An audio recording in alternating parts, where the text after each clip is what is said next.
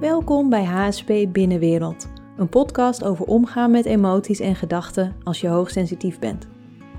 Hoogsensitieve mensen hebben een rijke innerlijke belevingswereld en beleven alles intenser. Emoties en gedachten kunnen dan extra diep binnenkomen. In deze podcast geef ik je tips, informatie en oefeningen om daarmee om te gaan. Mijn naam is Irene Langeveld, HSP-coach en Clarity Proces Trainer. Fijn dat je er bent. Welkom bij deze aflevering van HSP Binnenwereld, waar ik het ga hebben over het loslaten van wat anderen van je vinden. Ik ga wat vertellen over waarom we zo gefocust zijn op wat anderen van ons vinden, waarom dat voor HSP nog net even wat sterker is. En ik ga je een aantal praktische tips geven om die focus een klein beetje los te kunnen laten. Nou, van nature zijn we als mensen gericht op wat anderen van ons vinden. En als je daar wat langer over nadenkt, dan is dat eigenlijk heel erg logisch. We worden namelijk allemaal afhankelijk geboren. Dus we zijn een hele lange tijd afhankelijk van andere mensen voor ons overleven. Letterlijk. Als je een baby of een klein kind alleen laat en er niet voor zorgt, dan gaat het dood. Dus het heeft andere mensen nodig om voor zich te zorgen. Dus het, het is mega belangrijk wat die andere mensen doen, wat ze vinden, uh, misschien ook wel wat ze voelen. En als HSP heb je ook nog eens een extra sensor, als het ware, om dat waar te nemen. Daarnaast is het ook nog eens zo dat we van nature gefocust zijn op wat er niet goed gaat in plaats van op wat er wel goed gaat. En ook dat is goed te verklaren. In het clarity-proces beschouwen we het denken als ons overlevingssysteem. Zoals bijvoorbeeld dieren eh, stekels hebben, of hard kunnen rennen, of goed in bomen kunnen klimmen, uh, of heel sterk zijn. Dat hebben wij als mensen allemaal niet, maar wij hebben wel een denksysteem. En met dat denksysteem uh, ja, kunnen we ons aanpassen, kunnen we dingen bedenken. En het is ook de reden waarom wij als soort zo succesvol zijn, als het ware. Nou, in het clarity-proces verdelen we dat denksysteem of ons denken in twee delen: het bewuste deel en het onbewuste deel. En het onbewuste deel, dat is een soort opnameapparaat waarmee alles wat je meemaakt wordt opgeslagen. En het is ook als een soort lijfwacht. Het kijkt namelijk continu of er gevaar is, omdat het ons overlevingssysteem is. Nou, een lijfwacht, stel dat je een, een beroemdheid hebt die beveiligd wordt. De lijfwacht is niet geïnteresseerd in alle mensen die daar staan die het uh, goed met deze beroemdheid voor hebben. En alles wat er goed gaat is eigenlijk ook niet zo relevant. Die lijfwacht is alleen maar gefocust op waar het eventueel mis zou kunnen gaan. En zo is het ook met ons, onze innerlijke lijfwacht, ons denken, zou je kunnen zeggen. Dus ons denken heeft heel erg de neiging om vooral te focussen op dat wat er niet goed gaat of op wat er in de toekomst eventueel mis zou kunnen gaan, zodat je daarop kunt inspelen. Dat is natuurlijk hartstikke handig, maar het is wel een beetje uh, overwerkt, als het ware. Het, is, het, het staat in de overdrive bij de meeste mensen.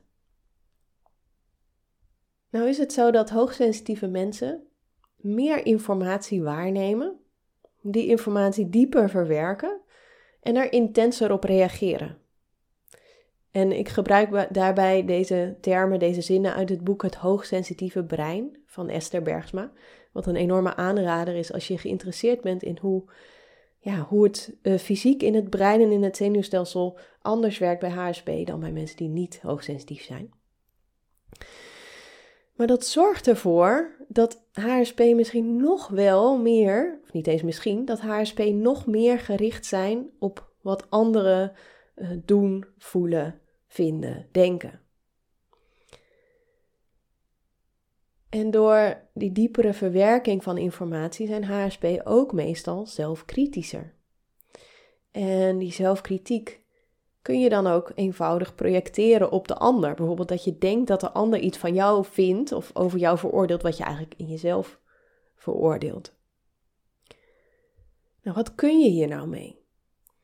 Ik vond het zelf heel erg fijn om te merken dat, of om in te zien, dat die focus op andere mensen heel natuurlijk is. En dat we die bijna allemaal hebben. En dat het heel logisch is. Dus op zich hoef je daar niets aan te veranderen. Maar het is wel fijn als je het in wat ander perspectief kunt zetten en er wat ontspanning naast kunt plaatsen. En ik heb een aantal praktische tips voor je. De eerste is om je bewust te worden van je eigen oordelen over jezelf en je eigen projecties. Want zoals ik net al zei, hebben we heel vaak dat we onze eigen oordelen projecteren op de ander. Dus als jij bijvoorbeeld vindt dat je een te dikke buik hebt, dan zul je waarschijnlijk redelijk vaak denken dat iemand anders vindt dat jij een dikke buik hebt. En je kunt helemaal niets doen aan wat de ander van je vindt, maar je kunt wel jouw eigen oordelen helder hebben en daar misschien met een beetje zachtheid naar kijken. En daarmee kun je, daar kun je misschien ook, uh, volgens mij de derde aflevering in deze podcast ging over omgaan met gedachten.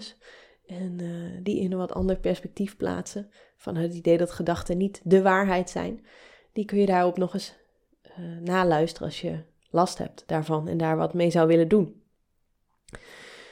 Een andere tip is om te proberen zo min mogelijk in te vullen voor de ander. En het meer te vragen. Hoeft natuurlijk niet altijd. Maar het gebeurt zo vaak dat wij invullen wat de ander vindt, wat de ander voelt. En check het eens. Kijk wat er gebeurt. En wees je bewust wanneer je invult voor een ander. Dat is misschien nog wel het allerbelangrijkste. En in hoeverre daar misschien een eigen oordeel een rol bij speelt. Nou kan het zo zijn dat je echt het idee hebt van hé, hey, die ander die vindt mij stom of die, die veroordeelt mij. En misschien heb je daar gelijk in. Dat zou heel goed kunnen. Wanneer dat zo is, dan merk je waarschijnlijk een spanning in je lichaam of een emotie. En kijk dan eens of je die spanning er kunt laten zijn. Of je daar heel bewust met je adem bij aanwezig kunt zijn. Misschien niet op het moment zelf. Dus net zoals met emoties doorvoelen is dat vaak niet handig als je in gesprek bent met iemand. Maar op het moment dat je thuis bent en je merkt dat je last hebt van een bepaald gesprek of van een bepaalde opmerking die iemand heeft gemaakt, ga eens zitten met jezelf. En ga eens kijken, hé, hey, wat gebeurt er in mij? En probeer dan te focussen op de fysieke sensatie. Dus kijk of je het fysiek kunt maken. Dus stel dat je inderdaad een vervelende opmerking uh, naar je hoofd hebt gekregen. En, en je weet gewoon dat iemand jou veroordeelt of je denkt dat, maakt eigenlijk helemaal niet uit. Voel wat het met je doet en wat er gebeurt in je lijf. En adem dan wat dieper door, terwijl je die spanning of die emotie er gewoon laat zijn. En dan kan het zijn dat de spanning eruit komt. Als je iemand bent die makkelijk huilt, zou het zelfs zo kunnen zijn dat je gaat huilen. Dat is helemaal oké. Kan ook zijn dat dat helemaal niet gebeurt. Dat is ook helemaal oké. Maar kijk wat er gebeurt als die spanning of die reactie er gewoon helemaal mag zijn. En jij daarmee ademt. En dan helpt het vaak om ook wat meer lucht te nemen dan je normaal gesproken doet. Ja, dan kan dat zo zijn weg vinden. En vervolgens de laatste tip die ik je kan geven, is om het bewustzijn van, van die spanning en wat het met je doet, te combineren met bewustzijn van het hier en nu. En dit is misschien wel de belangrijkste tip. Ehm, dus jij zit met die spanning, wat het ook maar is. En tegelijkertijd kun je je op dat moment bewust worden van: ik zit op een stoel, ik adem, ik ben oké. Kijk om je heen, gebruik je zintuigen. Kijk, luister. Is er nu gevaar? Is er nu een echt probleem? En behalve als er echt daadwerkelijk gevaar is, als je huis in de brand staat, dan moet je naar buiten lopen. In de meeste gevallen, 99,9% van de gevallen, zul je waarschijnlijk kunnen waarnemen dat er geen gevaar is. En dat er dus voor het overlevingssysteem geen echt probleem is. Alleen het denkt dat er een probleem is vanwege die focus op anderen vanuit onze kindertijd. En dat onderscheid, dat onderscheid maken tussen wat er in je denken gebeurt en wat er werkelijk gebeurt, dat is wat we in het clarity proces eigenlijk continu doen. Dat is wat je vrijheid geeft. En dat is wat je ontspanning geeft. De ontspanning komt niet vanuit ik mag hier niet meer op reageren of ik mag die focus niet meer hebben of ik mag dit niet meer vervelend vinden. De ontspanning komt vanuit hé, hey, maar het is helemaal oké dat dit er is. Het is helemaal oké om dit te voelen, om die focus op andere mensen te hebben, om ergens van slag van te zijn. En ik kan zien dat er geen werkelijk probleem is, dat ik in dit moment oké ben. En dat geeft ontspanning. Dus ik zou zeggen, ga daar lekker mee aan de slag. Heb je er vragen over? Laat het me gerust weten. En dan uh, hoop ik, hopelijk zie ik je dan, of hoor je mij dan in de volgende podcast. Dankjewel voor het luisteren naar HSP Binnenwereld. Wil je meer tips, oefeningen en meditaties? Ga dan naar irenelangeveld.nl voor de gratis mini-cursus In Balans met Hooggevoeligheid. En neem gerust contact met mij op als je iets wilt vragen of delen.